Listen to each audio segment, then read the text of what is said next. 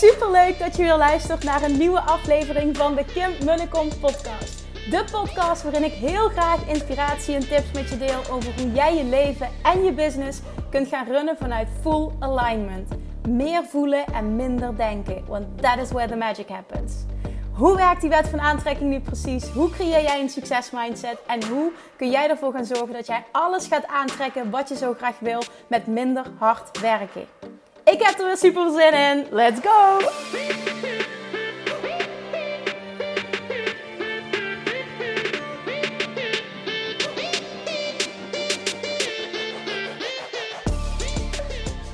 Hallo, hallo, hallo. Dag 3 alweer. Aflevering 3 van de vierdelige podcastreeks Investeren in Crypto de, de do's en don'ts en vooral ook de hoe. Ik neem je mee stap voor stap. Nou, vooral Axel neemt je mee stap voor stap. Ik hoop dat je voelt dat we het samen doen om uh, de eerste stappen te zetten richting investeren. Om veel meer achtergrondinformatie te krijgen. Om te voelen van ik kan dit ook als ik dit wil. Dat is echt mijn hoofddoel. Dat je dit gaat voelen. Omdat ik er persoonlijk in geloof dat dit heel veel mogelijk maakt voor je. Maar nogmaals, geen financieel advies, slechts mijn mening. Dus do your own research. Een hele belangrijke die Gary Vaynerchuk ook altijd zegt. Do your 50 hours of homework dat geldt ook voor dit. Voor je uh, bepaalde keuzes maakt, zou ik ook echt me erin verdiepen. Want dat heb ik heel lang gedaan. Ik ben echt uren, uren, uren alles gaan luisteren en lezen en opzoeken en alles. En uiteindelijk heb ik de keuze gemaakt uh, om uh, te gaan investeren hierin.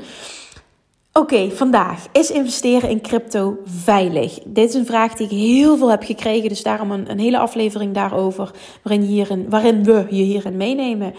Ook voor hier geldt weer, ik ga het weer zeggen als intro, als je het nog niet gedaan hebt, download de Blocks app. Want je krijgt namelijk via die Blocks app met de code KIM met hoofdletters 10 euro gratis. Gewoon gratis, krijg je een cadeautje. En dan mag je eh, mee doen wat je wil. Die kun je dus investeren in, munten. Dat betekent dus ook dat je kunt starten zonder dat je een risico loopt, zonder dat je eigen geld in hoeft te stoppen.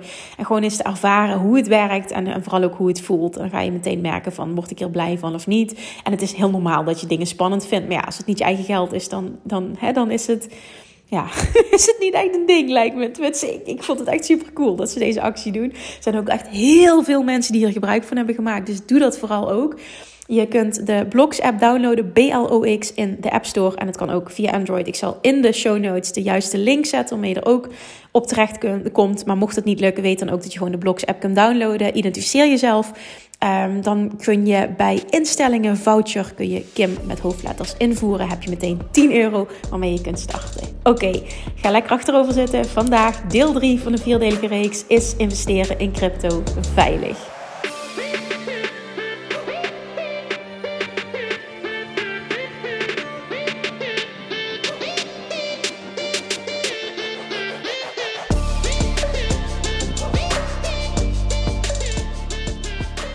Axel, welkom. Daar zijn we weer. Daar zijn we weer terug. Leuk om weer te zijn. Tof dat je er bent. Wij uh, gaan verder met aflevering 3 in onze reeks uh, over all things crypto. En vandaag staat centraal, is investeren in crypto veilig?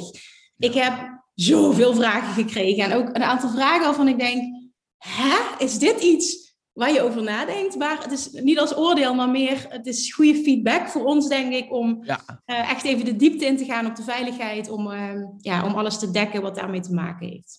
Ja, ja, precies, precies. En dat is ook een beetje natuurlijk dat, uh, ja, als je er zelf dan constant in zit, dan gaan een heleboel dingen, ja, daar, daar wen je aan. Dat wordt bijna vanzelfsprekend. En uh, dan is het eigenlijk ook wel heel goed om die juist toch een keer extra uit te leggen voor als je ja. bijvoorbeeld helemaal nieuw in bent. Ja, precies dat. En dat is goed inderdaad dat wij ons ook realiseren dat iemand gewoon misschien nog nooit ergens een account heeft aangemaakt, nog nooit uh, überhaupt uh, ergens heeft gekeken naar hoe kan ik cryptomunten kopen of wat dan ook. Ja. is het. Dus helemaal blank hoe je erin stapt. Wat we vandaag willen gaan doen, ook voor iedereen die nu kijkt of luistert, is we willen even het proces waar je doorheen loopt op het moment dat je uh, de app Blocks installeert en, en gebruik gaat maken van deze simpele manier van, van, van aankopen. Maar daarnaast ook nog eens, wat zijn de risico's überhaupt van het investeren in crypto? En wat heb je te verliezen als het ware? Ja, ja, ja dat belangrijke punten ook veel terugkomen inderdaad. Dus goed ja. om daar uh, ja, duidelijk antwoord op te gaan geven, denk ik. Zullen we dan beginnen met het stukje uh, even mensen door het proces van aanmelden uh, ja, loodsen? Als je ja. kijkt naar, hè, want we hadden het al eerdere aflevering gehad over, er zijn verschillende manieren om te investeren in crypto. Via blogs hebben jullie het heel makkelijk gemaakt dat er een app is, dat je niet met een, je hoeft niet zelf een wallet te kiezen, je hoeft niet met een seed phrase te lopen. Nee, precies, precies. Dat, eh, als ik dit woord mag gebruiken. Het is allemaal super simpel gemaakt en dat maakt dat dit wel een van de meest simpele manieren is om de eerste stap te zetten. Ik heb het gisteren ook gedeeld in mijn community. Heel veel mensen liepen er meteen doorheen en zeiden: Het is fantastisch. Um, even nog benoemen met de vouchercode KIM met hoofdletters krijg je dus 10 euro gratis startegoed die je meteen kunt gaan inzetten. Krijg je helemaal gratis. Dus dat is meteen een, een goede reden om, uh, om te beginnen, want je hoeft het niet met eigen geld te doen. Dus dat is heel tof. Maar het lijkt me ook fijn om eventjes iedereen uh, door het aanmeldproces heen te loodsen. Want um, waar mensen tegenaan liepen, is de, de vraag die ik kreeg: uh, is het normaal dat ik mijn identificatie moet, of dat ik me moet verifiëren, dat ik mijn identificatie moet bevestigen? Ja, nou, dat is meteen een, een, hele goede vraag. En ik snap inderdaad ook wel, als je daarna gaat kijken, denk je, hé, hey, dat is wel heel persoonlijk. Ik moet ineens al mijn, uh, ja, of, of, een deel van mijn persoonlijke gegevens gaan overleggen naar een, naar een app. Ja, is dat wel de bedoeling? Nou, kan ik je gelukkig meteen geruststellen, ja, dat is wel de bedoeling. Uh, dat heeft ook te maken, dat hebben we ook in de vorige aflevering al een beetje besproken. Dat, er komt steeds meer wetgeving op gang rondom crypto. En dat heeft natuurlijk uh, nadelen, dat het nou ja, steeds gereguleerder wordt, kan een nadeel zijn, maar ook een groot voordeel, dat je steeds beter weet waar je aan toe bent. En uh, die regulering op dit moment, als je gaat kijken bijvoorbeeld naar vanuit Europa en ook binnen Nederland, um, betekent ook dat we voor blogs een, een, registratie moeten hebben bij de Nederlandse bank. En ja. ja. die moet je hebben eigenlijk als je bepaalde cryptodiensten binnen Nederland wil gaan aanbieden. Nou, dat is natuurlijk precies wat we doen.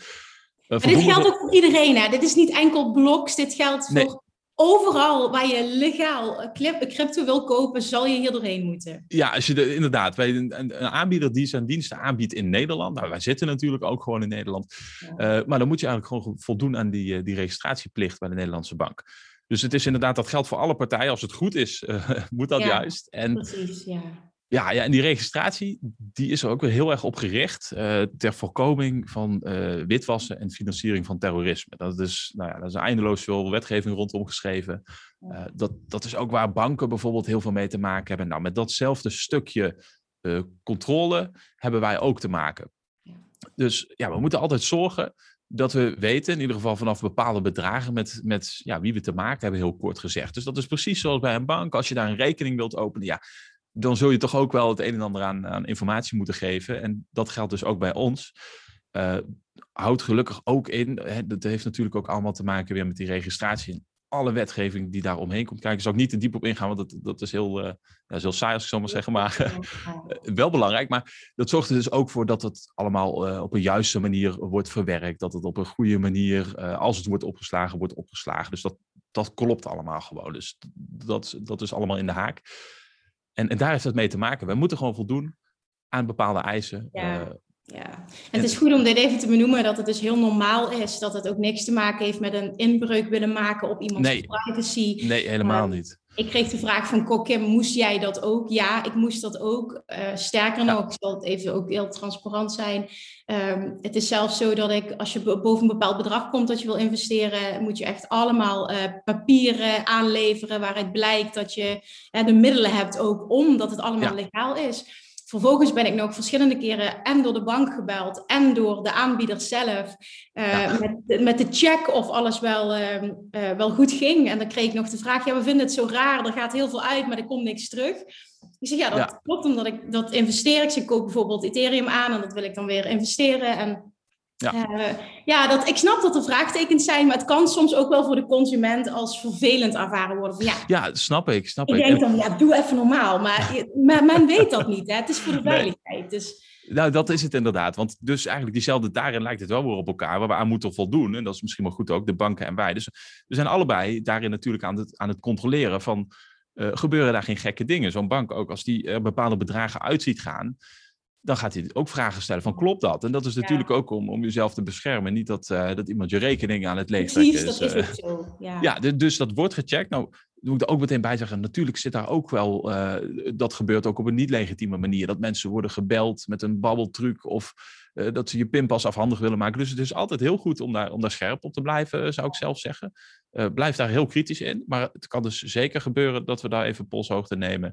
We zullen nooit dan rare vragen stellen. We gaan niet die pincode vragen of een pinpas. Nee, dat of, is even goed om te benoemen wel, wat je nu ja. zegt. Hè? Dat als je gebeld wordt, dat jij heel goed checkt, wat wil iemand van me weten? Klopt dat? Ja, ja precies. Dus gewoon, uh, dat, dat, dat is iets om in je achterhoofd te houden. En inderdaad, als je nou is het in ieder geval bij Block zo, als je tot 250 euro gaat storten in de app, uh, dan hoef je die niet te legitimeren. Dan kun je daar gewoon lekker in gaan experimenteren. Dus dat is, daar is nog wel ruimte in. Zeg maar dat eerste stukje, die eerste drempel is wat hoger gelegd. Dus je kan er meteen Is dat, is dat 250 euro is in totaal, hè? Dat is niet per maand of per week, dat is in totaal. Ja, dat is echt wat je erin kan storten in de app, uh, voordat je wel moet gaan legitimeren. Okay daar moet ik wel kanttekening bij. Als je een vouchercode gebruikt, ja, dan moet je je wel direct legitimeren. Dus dat is misschien waar mensen ook van geschrokken zijn. Ja, omdat het ook niet je eigen, uh, eigen geld is. Of ja, hè, inderdaad, het is niet je eigen geld dat je dan investeert ook. Ja, precies. Dan ligt het, te maken heeft, maar... Ja, ligt net iets anders. Dus als je dan van een vouchercode gebruik maakt, dan vragen we dus wel direct om te,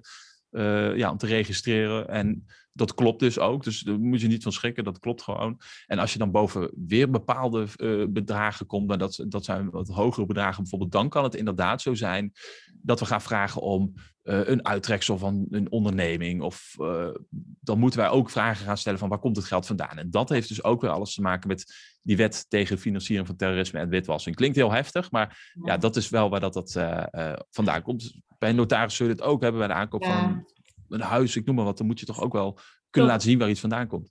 Ja. Ja, en dat is ook zo. Kijk, ik begreep het ook volledig, maar ik vond het wel gedoe. En dan duurde het weer enkele dagen voordat het was gecheckt en goedgekeurd en dat hele proces. En ik dacht, ja. maar als het eenmaal rond is, dan loopt het wel ook heel soepel. Dus ja. Ja, en het proces is, is gelukkig ook uh, ja, heel snel tegenwoordig, want dat gaat ook voor een groot gedeelte bijvoorbeeld geautomatiseerd. En dat, dat, dat loopt allemaal heel soepel. Nou, via dus... blogs gaat het heel snel. Precies, want ja. Toen ik ja. me eh, daar aanmeldde, toen kreeg ik ook heel snel dat alles was goedgekeurd en uh, dat het ging, ja, echt, dat, ik denk binnen een half uur of zo dat dat... Uh, ja, ja, in principe is dat uh, minutenwerk. Daar kan wat, wat marge in zetten, inderdaad. Maar dat, dat gaat echt heel snel. Dus daar, uh, gelukkig hoef je daar dan niet inderdaad dagen op te wachten. Dus je kunt heel snel aan de slag. Maar het, ja. het kan dus kloppen dat we daar, daarom vragen, ja. Ja, ja. ja, en even heel kort, even het, het, hele proces. Iemand meldt zich dus aan. Je kan, uh, zoals ik net al zei, ja, ik mag een vouchercode delen. Met de vouchercode ja. Kim krijg je 10 euro aan, aan te goed. Maar mensen kunnen dus, uh, het kan dus via een link die ik deel, maar het kan ook via de app installeren. Um, ja. De vouchercode invullen en vervolgens wijst alles zich vrij makkelijk. Hè? Je maakt een account aan. Ja, ja precies. En, ja. en dat kan ook op meerdere manieren. En uh, overigens ook wel leuk, die 10 euro die je dan krijgt inderdaad met jouw code, dat is gewoon zonder kleine lettertjes. Er zit er geen rare voorwaarde aan dat je minimaal, uh, uh, weet ik wat, moet investeren voordat je het kan gebruiken of wat dan ook. Nee, nee, daar kun je gewoon direct mee aan de slag. Ja, ja. maar dat, ja, dat is de eerste stap is dus eigenlijk het downloaden van de app. Nou, dan ja. kun je daar binnen een account aanmaken. Dat kan met een e-mailadres, maar dat kan ook bijvoorbeeld weer uh, door in te loggen met Facebook of ja. gekoppeld aan je socials. Dat is maar net ja. wat je zelf uh, wat je prettig vindt.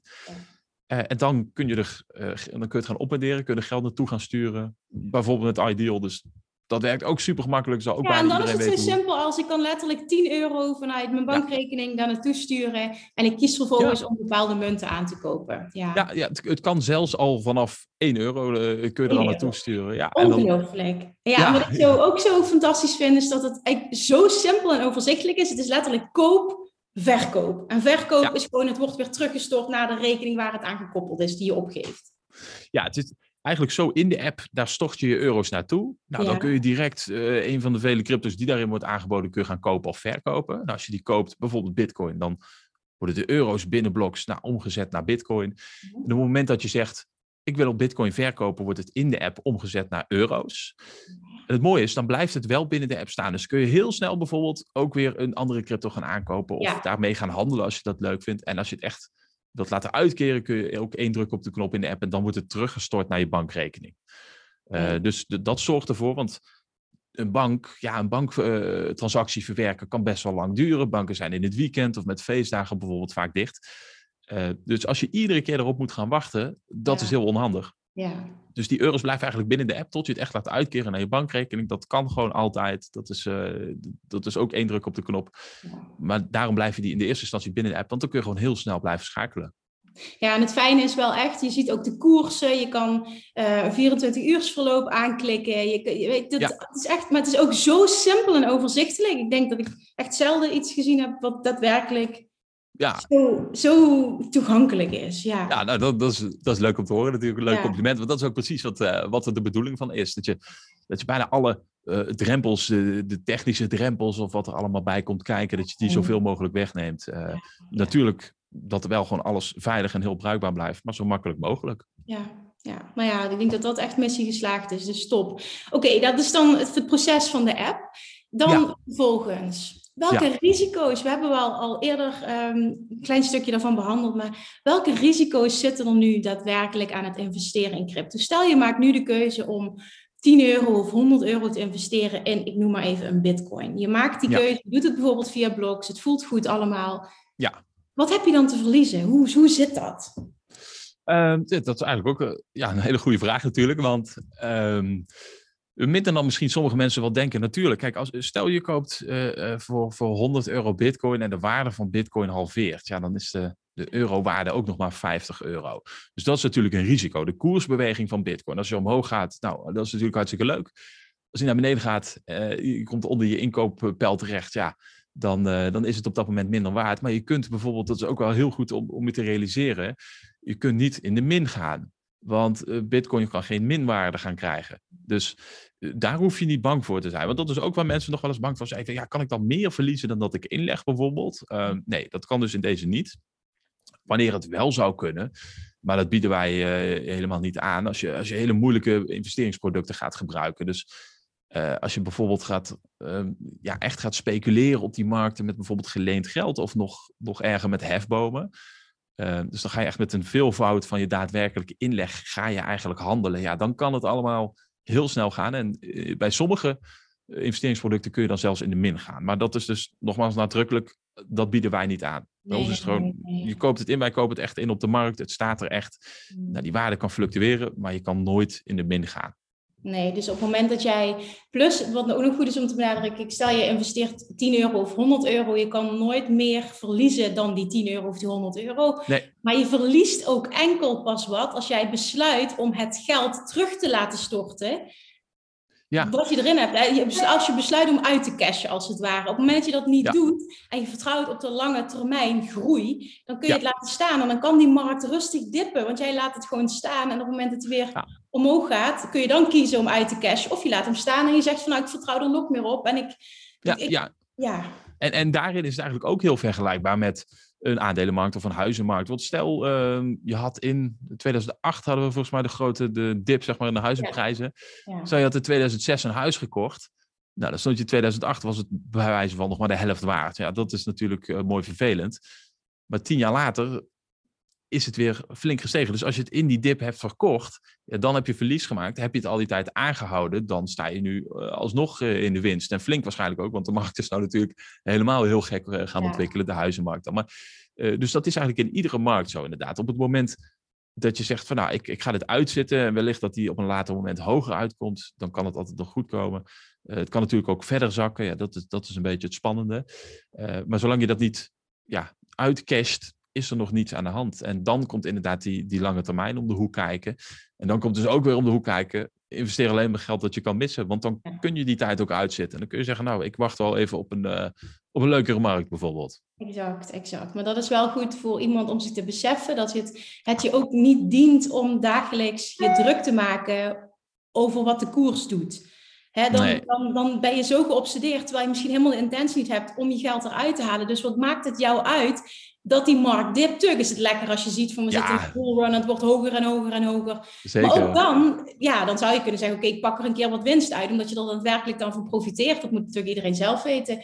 Maar in, in de basis, op het moment dat jij zegt, nou, ik zet nu iets vast en ik kijk er pas na vier jaar weer naar, bij wijze van spreken, maakt het niet uit of die markt nu dit doet. Want... Nee, precies. Dat is wat je zegt, het ligt ook aan de intentie die je hebt. En, het is misschien leuk om het een beetje in de gaten te houden, zeker hoor, dat, dat, dat, is het ook wel. Maar we gaan er niet wakker van liggen als je die intentie ook hebt voor de lange termijn. En, en, en zelfs, dat vind ik eigenlijk ook wel grappig om even te vermelden, klinkt misschien nog raar, maar als, stel die koersen die, die gaan heel erg hard en heel erg goed, dan zie je zelfs ook wel eens mensen die zeggen, oh, ik vind het ik vind het eigenlijk ook wel uh, ongemakkelijk worden dat, uh, dat het zo ja? uitgaat. Ja. ja, ik hoor het echt wel eens. Ja, ja, ja. En dat, dat uh, maar meer, dat... meer vanuit, ik heb, ik, als ik wil, heb ik nu een verdubbeling van mijn vermogen gerealiseerd? Of, of wat, wat, ja. wat is die... Ja, bijvoorbeeld. En sommige mensen die vinden dat dat, dat in, in een hele korte tijd, dat, dat je bijvoorbeeld heel veel meer, meer geld hebt verdiend in een hele korte tijd. Sommige mensen vinden dat ongemakkelijk. Uh, ja, of dan, dan word je misschien ook wel een beetje, een beetje greedy, een beetje hebberig. Ja. want aan de ene kant kun je ook zeggen van, nou, ik, als ik winst heb gepakt, ik, ga, ik room alvast wat af. Ik pak een gedeelte of ik haal mijn inlegger uit. ja, precies. Dan loop je eigenlijk helemaal geen risico meer. Want dan, dan heb je geld terug en de rest, nou, dan zie je wel wat er gebeurt. Ja. Maar wat je toch ziet gebeuren als die, als die koersen heel hard gaan groeien, dat mensen dan denken, oh, maar misschien kan die wel nog een keer verdubbelen. Of nog een keer, of nog een keer. Ehm terwijl normaal, ja, als je je geld verdubbelt in, ehm, ehm, ja, in, in een paar weken tijd of nog korter. Dan zou je wel. altijd zeggen van, oké, kom maar, geef maar. Ja, iedereen zou er direct voor tekenen. Van wat nou als ik morgen jouw bankrekening verdubbel? Dan zegt niemand stelt de vraag, zegt dat doe maar, is goed.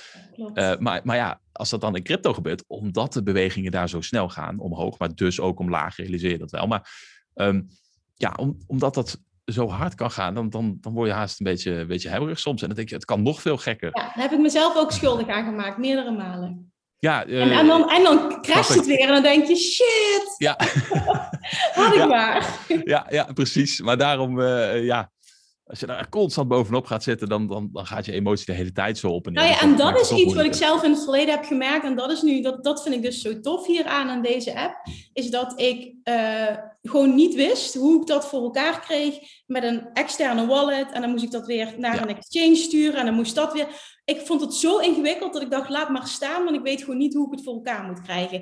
En Ja. dat is zo fijn. Dat, ja, maar dat klinkt heel stom, hè, maar dat is- ja, zo. Nee, maar dat, dat is het eigenlijk ook. niet.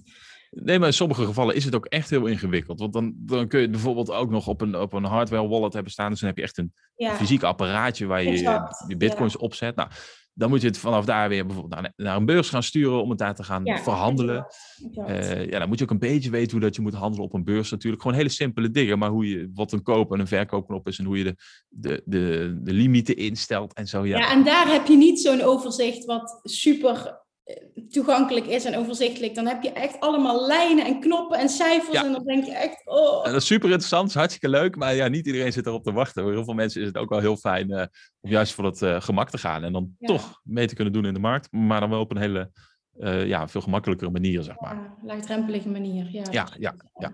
Ja, en daarom, dat, dat vind ik zo, ja, dat merkte ik dat ik zo fijn vond. Ik dacht van, oké, nu als het eerst volgende keer zo is, ik denk, oké, ik wil er wat uithalen, dan kan ik dat gewoon met een druk Ja. op de knop doen. En nu voel ik dat ik in control ben, dat ik weet hoe het moet. En Ja. ja dat En- geeft heel veel rust. Dat vond ik heel fijn. Ja, precies. Maar, en dat is, dat is niet eens alleen in de crypto. Want je ziet dat ook bijvoorbeeld in eh, eh, aandelen. Dat was ook jaren geleden. Als je in aandelenhandel iets wilde gaan doen. Ja, dan moest je haast een. eh, om een beetje oneerbiedig te zeggen, maar een oude grijze man zijn die, die de hele dag achter de computer zat en precies wist Ja. hoe het werkte. Dat was natuurlijk, eh, dat hing er heel erg omheen. En dat was wat jaartjes geleden ook gewoon eigenlijk wel zo. Ook daarin zie je diezelfde ontwikkeling. Daar, daar worden heel veel van die drempels weggenomen. Daar zijn ook legio apps voor tegenwoordig, waar dat je ja, op eenzelfde manier gewoon super gemakkelijk de aandelenmarkt kunt binnentreden. Gewoon met een, met een ideal transactie, een koopknop en that's it. Dus Ja, is dat zo? Ja. ja, ja, ook daarin. Dus, dus je ziet die hele verschuiving wel, eh, ja, ook buiten de crypto. Maar echt, dat, dat, dat zie je daarin ook gebeuren, ja. Ja, ja, waarschijnlijk als je daarin verdiept, dat dat ook allemaal duidelijk wordt. Ja. Ja, Ja. het is goed dat die verschuiving wel plaatsvindt. Want dit maakt ook dat je Ja. dat, dat, dat stukje mass adoption waar ze zo eh, hè, naartoe willen, zeg maar, dat steeds meer een groter aantal mensen dit ehm, gaat doen en dat het, dat het allemaal simpeler wordt. Dan moet dit gebeuren, anders dan zie je dat niet. Ja, dat, niet Dat, dat, is wel zo. Ja, dan moet het gewoon, eh, bepaalde drempels moeten worden weggenomen. Omdat, Ja. eh, ook bij het, bij het internet, dat was in het begin ook echt iets voor nerds. Je, je moest precies weten wat je deed. En je moest je computer van binnen en buiten kennen om daar eh, iets mee te kunnen gaan doen. Nou, nu is het de normaalste zaak van de wereld. Echt voor iedereen. Een halve wereld die draait erop. Eh, dus daarin zie je dat ook. Dat, er moeten gewoon een aantal slagen zeg maar, worden gemaakt in het gemak. En ja, dan, eh, dan is het in één keer voor iedereen toegankelijk en bereikbaar. Ja. Wat gebeurt er, en het is even een hele andere vraag, wat gebeurt er, denk jij, met de prijs eh, van, van de hoofdmunten, of misschien überhaupt, op het moment dat de massa hiermee, ehm, ja, ja. de dat die daar echt mee aan de slag zouden gaan, Ja. zeg maar. Dat, Ja, ja, dan kan het haast niet anders dan dat het omhoog gaat. Want dan ja gaat er iets veranderen in die, die, die vraag- en aanbodverhouding. dan, dan komt er steeds meer vraag, terwijl het aanbod ja, blijft beperkt. Want zeker bij Bitcoin komen natuurlijk maximaal 21 miljoen in de omloop. That's it. En hoe meer vraag daarnaar komt, ja, hoe verder die prijs eh, omhoog gedrukt zou worden. Dus stel dat echt de hele wereld daar, eh, puur hypothetisch even, maar stel dat de hele wereld erop zou springen.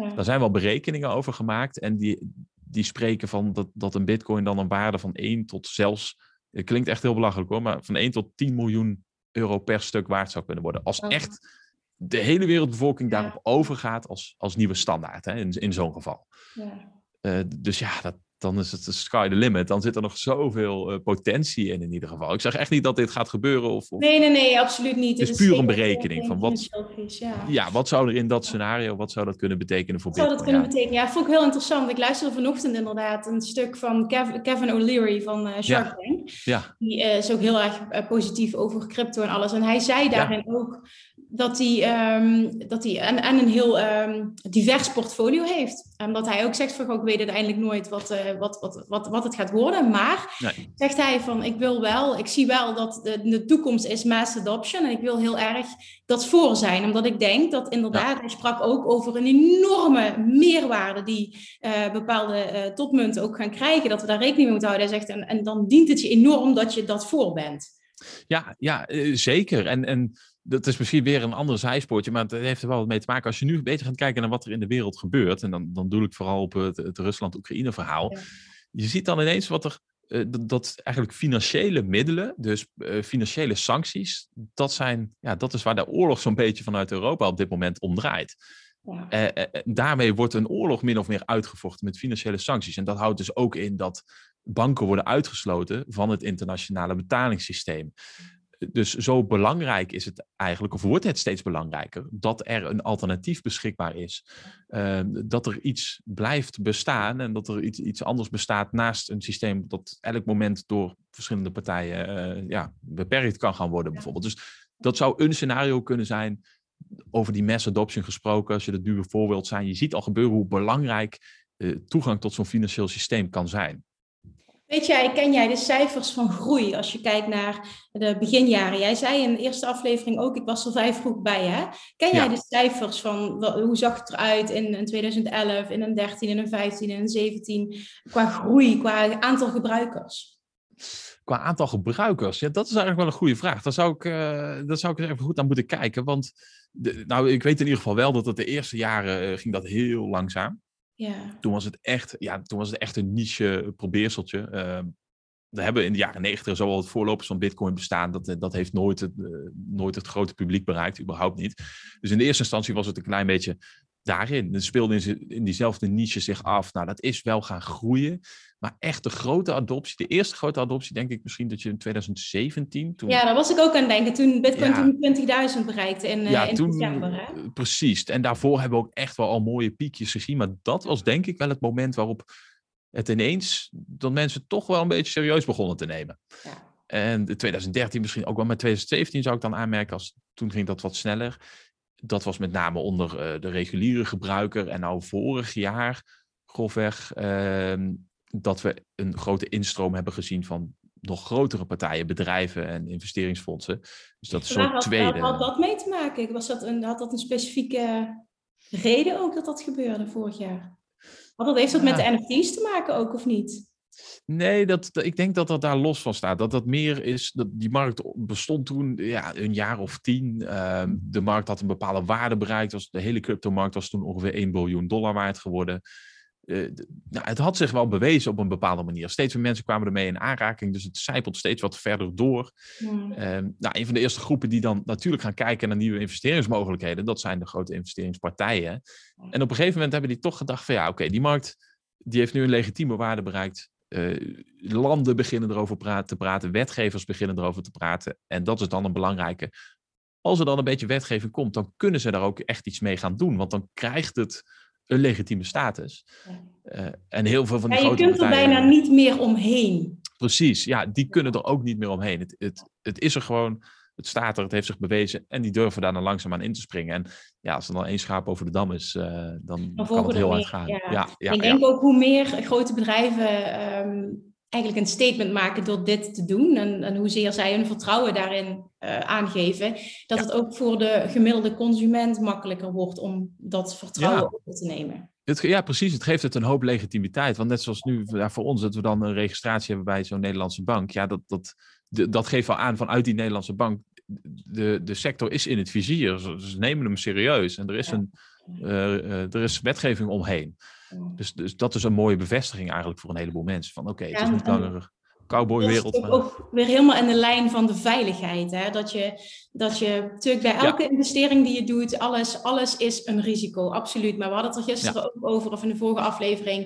Um, je, je geld op de bank laten staan is ook een risico, want het wordt minder waard. Dus de vraag is een beetje voor jezelf, wat voelt voor jou goed als risico? En juist doordat het zich zo bewezen heeft, en vooral een Bitcoin en een Ether, van die, van die, ja, hè, van die, van die topmunten, ja. dan zie je toch, voor, voor mij persoonlijk voelt dat zo, het voelt niet meer als een risico.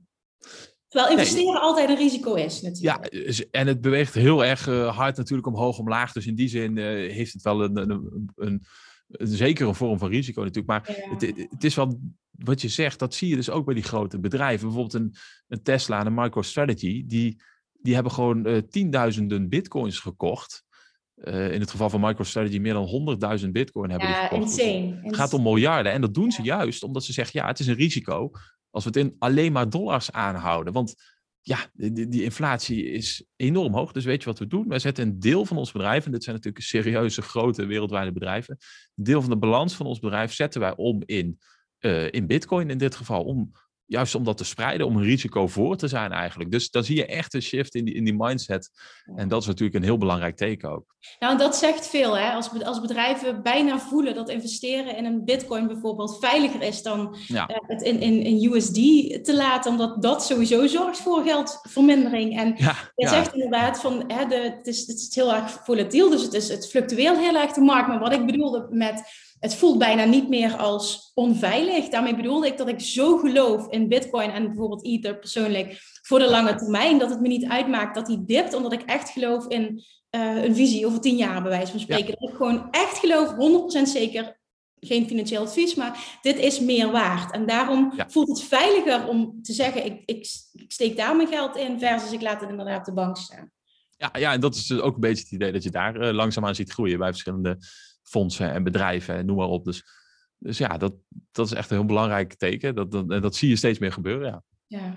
ja, ik denk dat dat ook wel een mooie is, nog extra om te benoemen bij dit hele thema veiligheid. Ja, investeren is altijd een risico, maar je ziet wel dat er zoveel adoptie is van grote bedrijven, zoveel groei, zoveel stabiliteit, dat je daar bijna niet meer omheen kunt en dat je bijna met zekerheid kan zeggen, it's here to stay.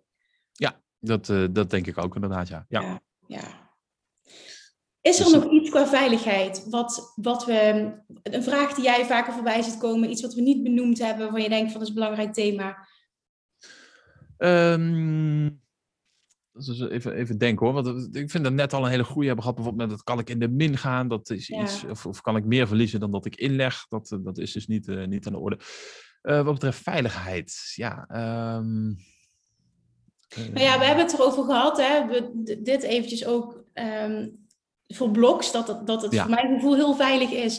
Als je het hebt over veiligheid, ik heb het in het verleden als minder veilig ervaren, uh, terwijl het misschien wel heel veilig was met, met het uitzoeken van een eigen wallet of een hardware of een software. Je moet een seed phrase uh, creëren en, en die moet je bewaren. En als je het hebt over veiligheid, het mag niet bewaard worden op je telefoon of op je computer, want het kan gehackt worden.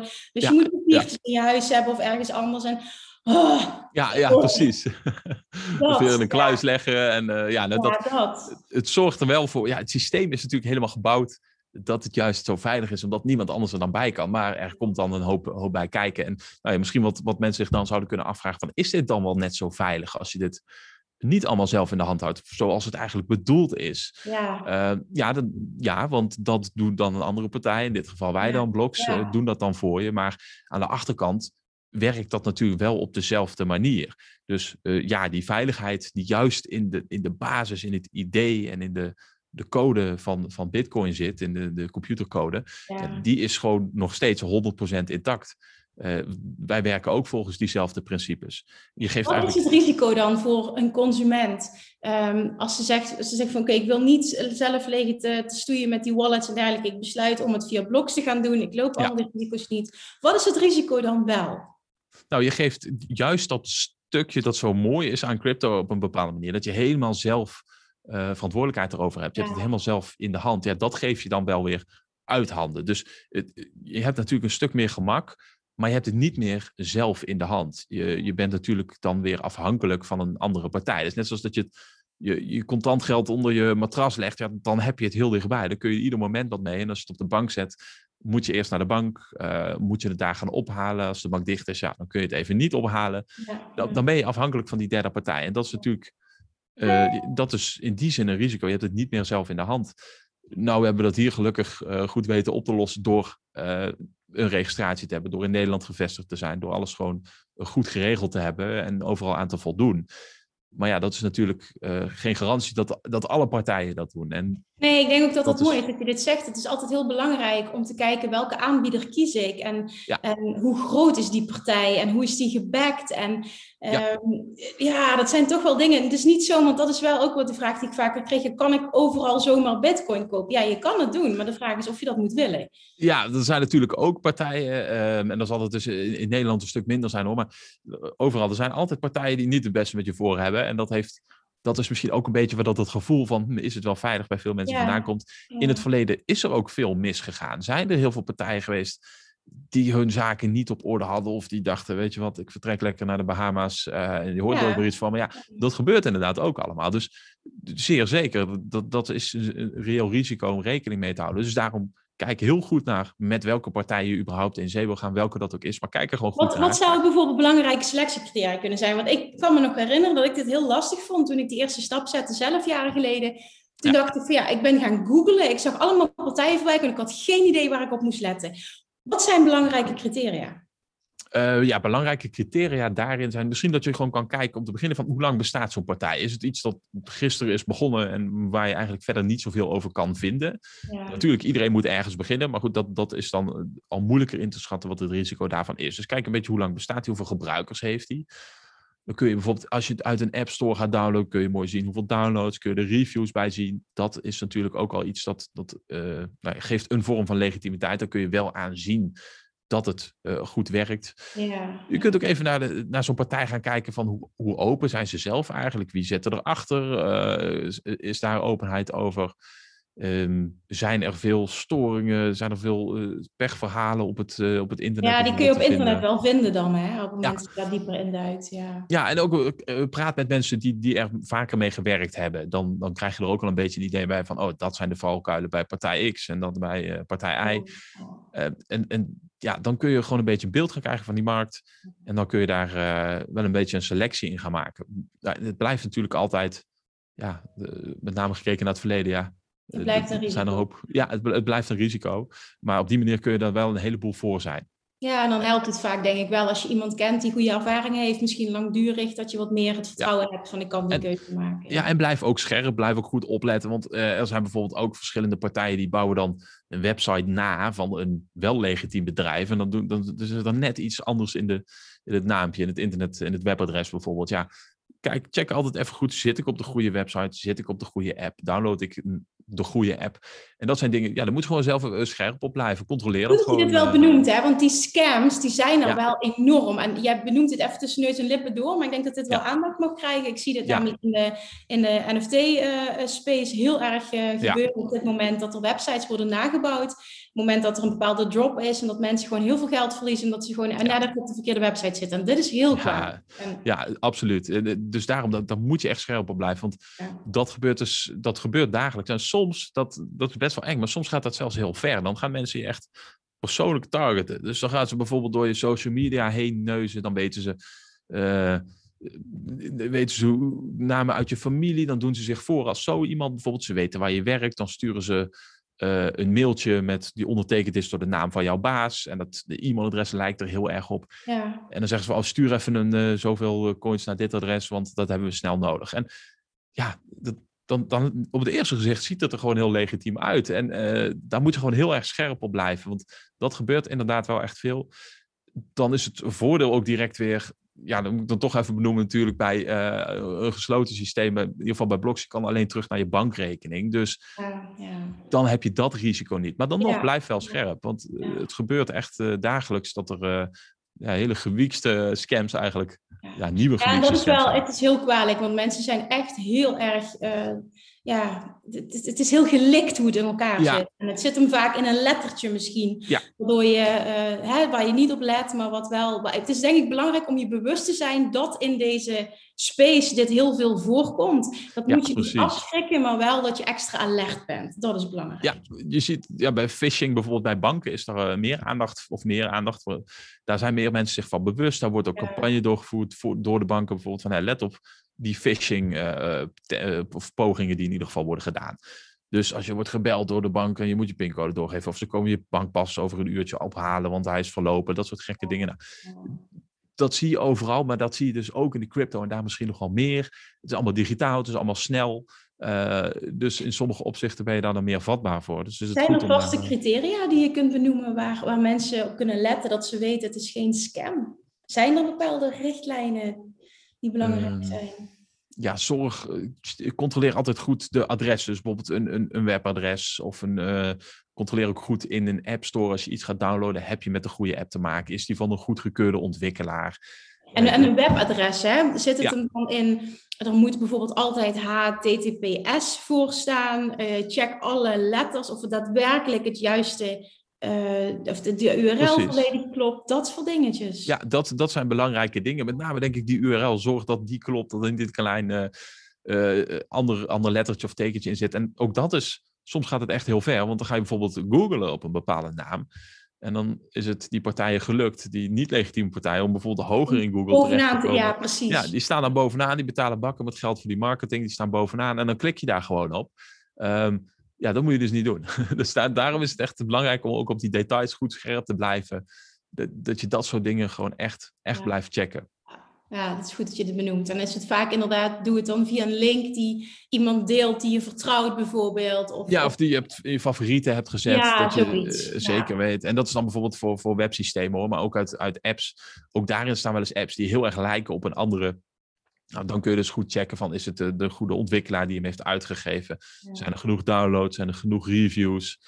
Uh, dat, dat zijn dan hele belangrijke. Als je een andere app tegenkomt die heel erg lijkt op een, een app die je zoekt, maar die heeft maar 10 downloads en uh, nul sterren reviews, ja, dan zal er wel iets, iets niet in de haak zijn. Ja, ja. Dus dat is ook iets belangrijks om even goed, uh, goed te bekijken. Ja. het is goed dat je dit nog even benoemt, ja, want dit komt veel meer voor dan dat mensen zich bewust van zijn, denk ik. Ja, en het gaat dus ook soms heel ver. Dus dat is echt uh, belangrijk om daar scherp op te blijven. Dus, en het, het, soms is dat nog moeilijker, want wat we aan het begin ook al besproken hebben, van ja, het kan ook wel kloppen dat we om gegevens vragen en dat we een keer bellen van hey, uh, gaat alles goed en klopt het dat je een bepaalde aankoop hebt gedaan om te controleren dat je niet, uh, dat je niet zelf slachtoffer wordt bijvoorbeeld van een hack. Dus, dus dat maakt maar iemand zal nooit om jouw inloggegevens vragen. Iemand zal nooit om je codes vragen. Dat is heel belangrijk om je te beseffen. Dat is van jou en dat mag je nooit weggeven. Nee, precies, precies. Dus dat, uh, dat moet je allemaal niet doen.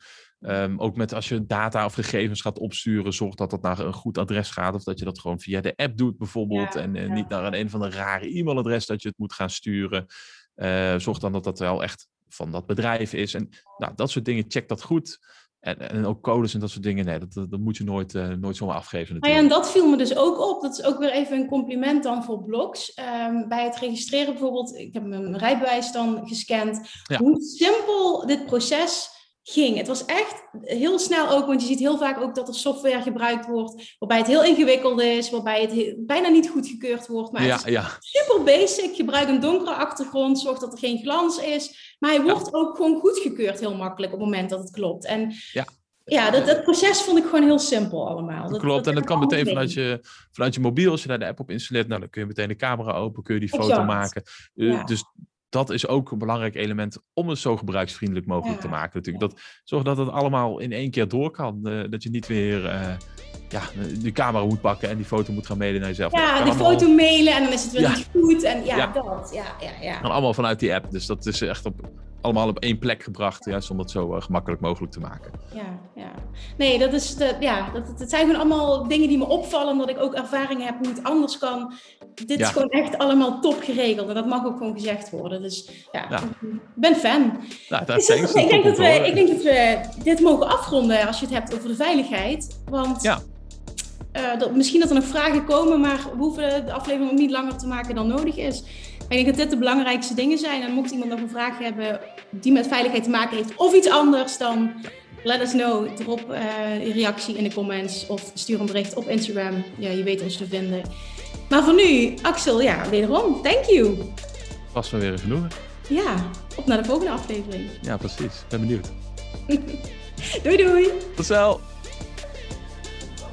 Lievertjes, dankjewel weer voor het luisteren. Nou, mocht je deze aflevering interessant hebben gevonden, dan alsjeblieft maak even een screenshot en tag me op Instagram. Of in je stories, of gewoon in je feed. Daarmee inspireer je anderen en ik vind het zo ontzettend leuk om te zien wie er luistert. En nog één dingetje. Voor alle gratis content die ik aanbied, zou je alsjeblieft één dingetje terug willen doen. En dat is: ga naar iTunes, zoek de podcast op, scroll even naar beneden en laat een korte review achter. Hoeveel meer reviews namelijk, hoeveel beter de podcast gevonden wordt in iTunes en hoeveel meer mensen ik kan bereiken met mijn boodschap. Super, super dankjewel alvast en tot de volgende keer!